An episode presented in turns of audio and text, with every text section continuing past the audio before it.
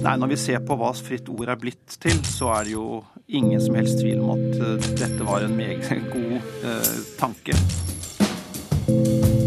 Jeg er mest sur på Fritt Ord, som, som gir oss den æresprisen gjennom, og som hun får for å trakassere og tråkke på andre. De er jo gjerne kontroversielle, de prosjektene som er debattskapende. Og uh, debattskapende er et ord vi ofte bruker. Stiftelsen Fritt Ords fremste formål er å verne om og styrke ytringsfriheten og dens vilkår i Norge. Særlig ved å stimulere den levende debatt og den uredde bruk av det frie ord. Slik lyder formålsparagrafen til stiftelsen Fritt Ord. En stiftelse med så mye penger på bok at den årlig overrisler norsk journalistikk og kulturliv med 80-90 millioner kroner. I 2014 er stiftelsen 40 år. Erik Rudeng er direktør. Det viktigste vi gjør, det er vel to ting. For det første utdelingen av Fritt Ords pris en gang i året, og eh, såkalte honnører, eh, som er da rettet til en innsats på mer eh, spesielle områder eller noe eh, aktuelt osv. Og, så og den andre hovedfaktoren i vårt eh, arbeid, og den som selvfølgelig mesteparten av pengene går med til, det er prosjektsøknader. At vi får hvert år nærmere 2500 søknader, og av disse 2500 søknadene, så er det 950 som i år vil ha fått støtte. Ikke alltid hele beløpet det søkes om, men ofte en stor del. Historien om hvordan Fritt Ord ble til, er i seg selv fascinerende.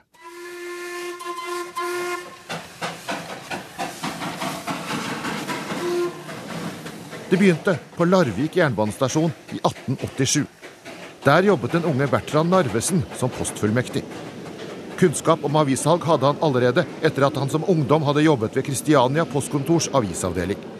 Nå satte han i gang avissalg på stasjonen. Så, i 1893, la han inn anbud på enerett på salg av aviser og reiselitteratur på jernbanens områder. Og 1.1.1894 var han i gang med salg på stasjonene. Han var en dyktig organisator og bygget opp det selskapet som vi alle kjenner som Narvesen. Bertrand nøyer seg ikke med å selge på stasjonene. Snart får han satt opp særegne bykiosker. Disse skulle sette sitt preg på Oslo og andre byer nesten helt fram til vår tid. Narvesen kioskkompani fortsetter å vokse. Under andre verdenskrig prøver nazisten å få kontroll over selskapet, men lykkes ikke. Du er vårt, du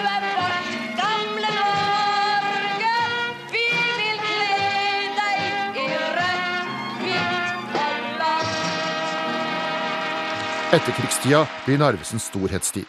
De er den eneste landsomfattende distributør av det trykte ord, også til andre enn egne kiosker, og nedfeller et prinsipp om å ikke forhåndssensurere. Likevel blir de gang på gang presset til å nekte distribusjon. Enten av svært upopulære meninger Men det var også blader som var såkalt moralsk anstøtelige. Det betød ofte bilder av lettkledde damer, og disse damene ble mer og mer lettkledde ettersom åra gikk. Og snart ble begrepet Narvesen-porno skapt. Men hva har nå dette med fritt ord å gjøre? Jo, Narvesen tjente gode penger på det frie ord og på blader både med sokkeoppskrifter og nakne damer. De var landets eneste åpne distribusjonskanal for dem som hadde noe å selge. Direktøren, Jens Henrik Nordli, fikk en idé, forteller historieprofessor Olav Njølstad ved Universitetet i Oslo. Og Nordli, når vi kom inn på 1970-tallet, så ble han bekymret for bærekraften i det selskapet, og så at det ville være vanskelig å drive Narvesen videre på samme måte som før. Og han fikk en idé om at man i stedet for skulle opprette en stiftelse som skulle ha som formål å verne om og fremme ytringsfrihet og demokrati i det norske samfunn. Og så gikk han til eierne, de tre aksjonærene i selskapet, og de var positive til dette.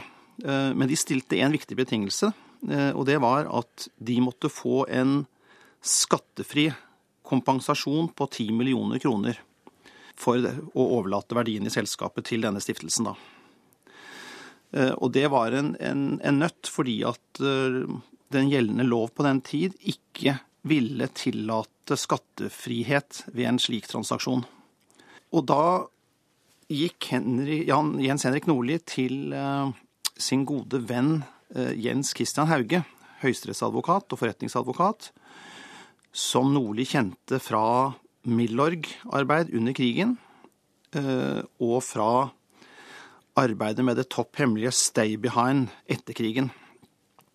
Han gikk til Hauge og la fram problemet, og Hauge sa da kontant at hvis loven ikke tillater denne transaksjonen, så må vi arbeide for å få endret loven. For dette er en så god idé at vi må sørge for at den lar seg realisere. Hauge gikk da til Finansdepartementet, han hadde gode kontakter, og, og skisserte da den løsningen de så for seg. Eh, og pekte på at dette sto og falt på om man fikk til dette med skattefrihet. Eh, og da fikk han Finansdepartementets embetsmenn med på at det burde gjøres et tillegg i lovgivningen som åpnet for skattefritak Eh, hvis aksjesalget eh, friga midler til å opprette en stiftelse med et samfunnsnyttig formål. Og regjeringen Korvald, som hadde makten på denne tiden, de fulgte da også opp dette og fremmet et slik, en proposisjon om en slik lovendring. Eh, tidlig i 1973 var det. Men disse ti millionene som da eh, aksjonærene fikk igjen, var det omtrent det selskapet var verdt? Nei, dette har vært ganske omstridt, da. På den tiden så mente Hauge, eller hevdet i hvert fall Hauge og Nordli, at ti millioner kroner var ca. halvparten av selskapets anslåtte markedsverdi. Men alt tyder på at dette var et svært konservativt uh, anslag. Uh, og det viste seg jo etter kort tid at det var uh, betydelig større verdipotensial i dette selskapet. Så jeg vet jo at uh, i hvert fall én av de familier som satt med aksjene her, i ettertid har uh, ikke bare vært fornøyd med akkurat den siden av transaksjonen. De verdiene har altså blitt til oppunder tre milliarder kroner. Fritt Ord-direktør Erik Rudeng forteller mer om hvorfor man opprettet Fritt Ord. På begynnelsen av 70-tallet så kom jo den såkalte oljekrisen med en veldig prisøkning på olje, som forsterket eh, mange problemer i eh, næringslivet. Sånn at eh, dette var en prosess som førte til store omdannelser, oppkjøp, fusjoner osv. Og, og det var i denne tiden da at ledelsen i Kioskkompaniet hadde den forestillingen at det var viktig å opprettholde Narvesen mer som en samfunnsinstitusjon. At dette å ha en nøytral og fri eh, distribusjon, et salg av aviser, tidsskrifter, uansett oppfatninger, som lå i disse skriftene, at det var en verdi som eh, burde opprettholdes. Og at følgelig så var tanken om at en, en eh, uavhengig stiftelse da skulle kunne bli en eier uh, av Narvesen og et vern uh, mot fiendtlig oppkjøp, sikkert, og eventuelt aktører som ikke ville være så glad i en slik fri og nøytral distribusjon av nyhetsstoff. Samtidig med at Fritt Ord overtok aksjen i Narvesen, ble de foreslått slått sammen med et statlig selskap. NSBs spisevognselskap, Norsk spisevognselskap, som eh, hadde hatt sine problemer med å betjene publikum godt og samtidig gå med lønnsomhet. Og eh, det ble da sett også av eh, NSB som en fordel om, om det kunne komme inn et, et sterkere privat element, eller at, at, det rett og slett da kunne bli en fusjon mellom spisevognselskapet og eh, Narvesen, som jo også hadde tilknytning til alle jernbanestasjonene. Og slik ble det. Fritt Ord eide 59% NSB 41% i det nye selskapet, som da også drev med togservering. Kurer. Ideen om da å begynne å dele ut priser, hvor kom den fra? Dele ut stipender? Vel, det fantes jo enkelte priser og stipendier den gangen også, men først og fremst eh, internasjonalt så var jo dette et veldig kjent eh, fenomen. Altså tenk på nobelprisen. Men det nye, det var jo at dette skulle være en pris som skulle fremme og honorere ytringsfrihet. Og eh, at det var det ene store formålet med prisen. Det var også i internasjonalt sammenheng eh, noe nytt. Det er Kunstindustrimuseet i Oslo. Der var det i formiddag utdeling av en nyinnstiftet pris, Fritt Ords pris. Her er formannen i institusjonen Fritt Ord, J.H. Nordli. Vi har mange priser her i landet, men vi har savnet én pris som hedrer og inspirerer dem som deltar i denne frihetens strid.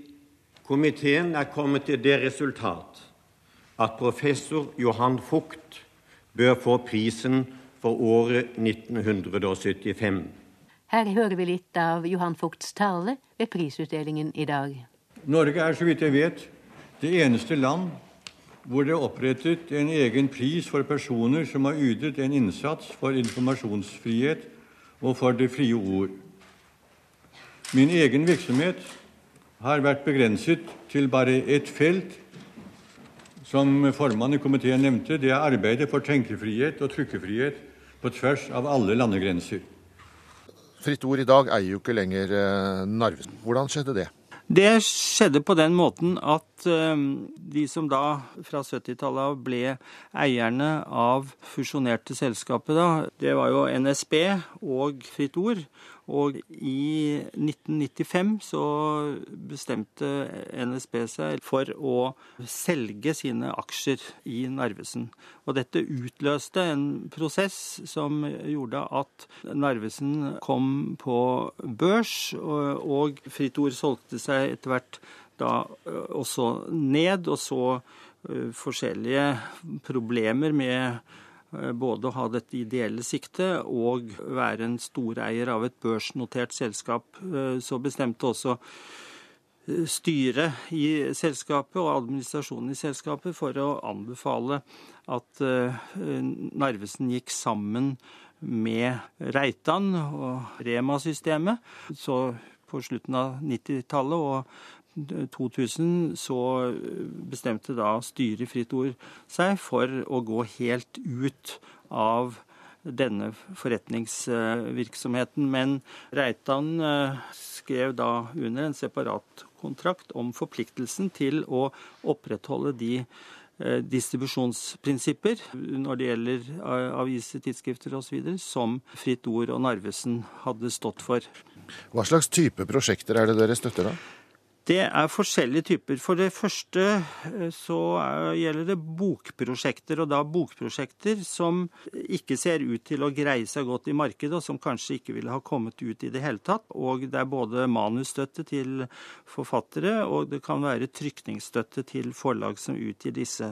Og noe som vi også legger svært stor vekt på i dag, det er dokumentarfilmer. Så er det mange seminarer og konferanser som initiativtakere prøver å få finansiert om en rekke forskjellige spørsmål, og festivaler som knytter seg til litteratur osv. Så, videre. så vi gir støtte til 275 slike arrangementer. Og eh, videre 70 teaterprosjekter. Det er ikke vanlige oppsetninger på de store teatrene, men det er frie grupper, oppføringer som tar sikte på bruk i skolen osv. Hun har i 40 år vært en utrettelig deltaker i samfunnsdebatten, ofte med kontroversielle synspunkter, og med barske karakteristikker også av meningsmotstanderes standpunkter. Det var i 2009 det en sjelden gang virkelig stormet rundt Fritt Ord. Da fikk filosof Nina Karin Monsen Fritt Ord-prisen av styreleder Francis Sejersted. Det falt mange tungt for brystet, spesielt hennes uttalelser om homofile og deres barn følte mange seg krenket av. Det startet en protestaksjon, og Kim Friele, som selv hadde fått prisen i 1978 for sin kamp for homofiles rettigheter, leverte den tilbake. Jeg er imot at uh, Ords komité premierer med en halv million kroner at man ikke holder seg til det uh, Nina Karin Monsens sak dreier seg om, nemlig motstand mot ekteskapsloven. Jeg er mest sur på Fritt Ord, som, som gir oss den æresprisen gjennom å trakassere, altså, som hun får for å trakassere og tråkke på andre. Det sa en av demonstrantene. Ja, Demonstrantene føler seg krenket og sjikanert av prisvinnerens ordbruk. Og det markerer de her med bannere med sitater fra Nina Kari Monsens tekster, bl.a. og uttalelser. C-donorer ligner femtekolonisten, er noe av det de skriver her. Lesbiske får handikappede barn er også malt hvitt på svarte bannere. Men prisvinneren selv tok ikke protestene så tungt. Altså, jeg forsøker jo å beskrive så sant jeg kan. Og når det, noen ikke liker den virkelighetsbeskrivelsen, så blir de altså såret. Men da må de komme med sin virkelighetsbeskrivelse. Så får vi se hvilken av disse virkelighetsbeskrivelsene som er best. Eh, så hvorfor blir de så sinna bare fordi vi fortsetter å tenke eh, sånn som vi tenker? Eller hadde de trodd at alle skulle de nå tenke annerledes? Hun får prisen ikke for sine meninger. Og det er veldig viktig å få presisert hun får prisen for sin uredde bruk av det frie ord. Stort sett deler Fritt Ord ut penger uten at det skaper overskrifter. 80-90 millioner kroner i året. En av dem som har mottatt mye penger fra Fritt Ord, er Anders Sømme Hammer frilansjournalist og forfatter som har bodd i Afghanistan til sammen fem år de siste sju åra for å skildre folks liv. Fritt Ord er nok den eh, organisasjonen som har betydd mest for meg i arbeidet i Afghanistan. Eh, det første stipendet jeg fikk til arbeid der, var nettopp fra Fritt Ord. Det var tidlig i 2007. Og det var også utslagsgivende for at jeg i det hele tatt eh, flytta dit. Det var penger til den første boka jeg skrev, og siden den gang så har jeg nesten konstant jobbet på prosjekter som har vært delfinansiert av eh, Fritt Ord. Eh, så det har betydd enormt mye. Eh, de har prioritert annerledes enn slik mange norske medier har gjort. Veldig mye av fokuset på Afghanistan her hjemme i Norge har vært på norske soldater og hvordan de har det. De prosjektene jeg har fått støtte til fra Fritt Ord, har stort sett dreid seg om hvordan livet er for afghanere. Hva kan du som frilanser rapportere om som ansatte i store medier ikke, ikke kan? Hadde de ansatte i de store mediene vært bosatt i Afghanistan, så kunne vi rapportert om det samme. Eh, så Forskjellen har vel vært at jeg har bodd permanent lenge i Afghanistan eh, og har fått et annet nettverk der, naturlig nok, fordi det er der jeg har vært basert. Eh, og jeg har prioritert å reise ut i felt. Jeg sluttet å reise med soldater for fem år siden og har ikke angra på det. Eh, jeg har fortsatt vært på besøk i militærleire, men det som blir kalt embedding, der hvor journalistene reiser ut og er totalt underlagt eh, Forsvarets sikkerhetsregime, det er jeg ferdig med. Du har vært inne på dette at uh, mange av de store mediene er forsiktige med å sende sine folk til Afghanistan, kanskje utenom militærleirene. Mm. Hvorfor tror du det er sånn? Jeg tror det er to hovedårsaker. Det ene er økonomi, det andre er sikkerhet. Alle norske medier prøver å spare penger på utenriksdekningen. Det er ikke gode tider for utenriksdekning generelt. Det kuttes i budsjettene. Eh, journalister reiser mindre og lager mer av stoffet om utlandet fra deskene hjemme i Norge. Eh, så er det også sikkerheten. At redaktører er redde for hva deres egne journalister kan utsettes for. Ja, hvorfor tror du Fritt Ord har brukt eh, såpass mye penger på det? Med prosjekter og priser så har det vært nesten en million? Det, ja, jeg har prøvd å jobbe skikkelig med søknadene jeg har sendt til dem. Det har vært eh, prosjekter som jeg har følt har vært viktige. Det har vært dokumentarprosjekter fra Afghanistan. Eh, det har ikke vært så mange norske dokumentarer som har blitt lagd i Afghanistan, så jeg tror man har sett et behov for det. Eh, nesten alle dokumentarer jeg vet om som er norskprodusert, er delfinansiert av Fritt Ord. Det er en organisasjon som framstår som et fantasiprosjekt når jeg snakker med kolleger i andre land. Det er en ganske unik eh, støttemulighet, eh, og jeg, og jeg er utrolig glad for at vi har den muligheten. Ellers så ville jeg fått rapportert mye mindre fra Afghanistan og antagelig ikke vært der så lenge som jeg har vært. Du fikk også Fritt Ord-prisen i 2011. Hva betydde det? Ja, det var en veldig overraskende og veldig hyggelig anerkjennelse av jobben jeg hadde prøvd å, å gjøre. Eh, det, det betydde enormt mye for meg personlig. Eh, og, og, samtidig så var det en fin mulighet til å diskutere situasjonen i Afghanistan, og også pressedekningen. Og så sendte jeg brev hele veien til Amerika. Andre ganger kan støtten gi prisvinnende dokumentarfilmer, som filmen 'Tvillingsøstrene' eller 'Twin Sisters', som fikk den gjeve publikumsprisen på en stor dokumentarfestival i Amsterdam. Eller denne. Banaz A Love Story om æresdrapet på en britisk-kurdisk kvinne laget av norsk-pakistanske Deya Khan, som fikk den prestisjetunge Emmy-prisen i dokumentarklassen. Men noen ganger kan også prosjektstøtte skape strid. Kritikken var sterk tidligere i år da Fritt Ord ga Peder Nøstvold Jensen, eller Fjordmann som han er kjent for, 75 000 kroner i støtte for å skrive bok om 22. juli. Styreleder Georg Fredrik Riiber Moen måtte forsvare avgjørelsen. At han har behov for i en sammenheng å gi uttrykk for sitt syn, nærmest som en kontradiksjon, et eh, tilsvarsrett, det er også fullt forståelig. Dette har skapt en uh, tvil hos oss ved avgjørelsen, selvfølgelig. Det var vanskelig, men uh, den tvilen har vi latt ytrings komme ytringsfriheten til gode. Jeg er ikke imot at Fjordmann skal kunne skrive bok. Men Fritt Ord trenger ikke å betale ham for å gjøre det. Fritt Ord, selv om de ikke forholder seg til innholdet i det som ytres, men forsvarer ytringsfriheten, så er det mange som vil si at dette er et slags eh, kvalitetsstempel, at dette dermed kommer til å legitimere ytringene. Og det er mildt sagt problematisk, fordi vi står overfor fascistiske og rasistiske ytringer. Lars Gule og Eskil Pedersen var bare to av kritikerne. Rudeng mener Fritt Ord ikke går inn for å være kontroversielle. Eh, men de er jo gjerne kontroversielle, de eh, prosjektene som er debattskapende. Og eh, debattskapende er et ord vi ofte bruker, og at det nok er svært viktig at det kommer fram forskjellige synspunkter fra ulike interesser eh, med ulike perspektiver, og at det oppstår debatt om viktige moralske spørsmål, eh, samfunnsspørsmål, enkeltsaker i samfunnet. Det er ikke uvesentlig at også grupper som eh, overhodet ikke føler seg tilpass i samfunnet, enten det er på høyre eller venstre side, som har helt andre vurderinger, at disse vurderingene og perspektivene også blir eh, kjent for samfunnet som helhet. I tillegg til priser og stipender har Fritt Ord finansiert Litteraturhuset i Oslo, og ikke minst reddet Store norske leksikon på nett da det sto i fare for å bli nedlagt. Mediehistoriker Henrik Bastiansen ved Høgskolen i Volda mener Fritt Ord har spilt en stadig viktigere rolle. De 10-15 siste årene så har Fritt Ords virksomhet økt veldig. De bevilger stadig mer midler eh, til eh, journalistikk, blant annet. Og eh, de er blitt mer synlige i samfunnsdebatten og har en større organisasjon, eh, større administrasjon, mer penger å dele ut, og, og, og forgrener virksomheten stadig videre utover mot mediene og offentlig debatt. Hvor viktig er det å ha en eh, pengesekk å ta utenom de store mediehusene?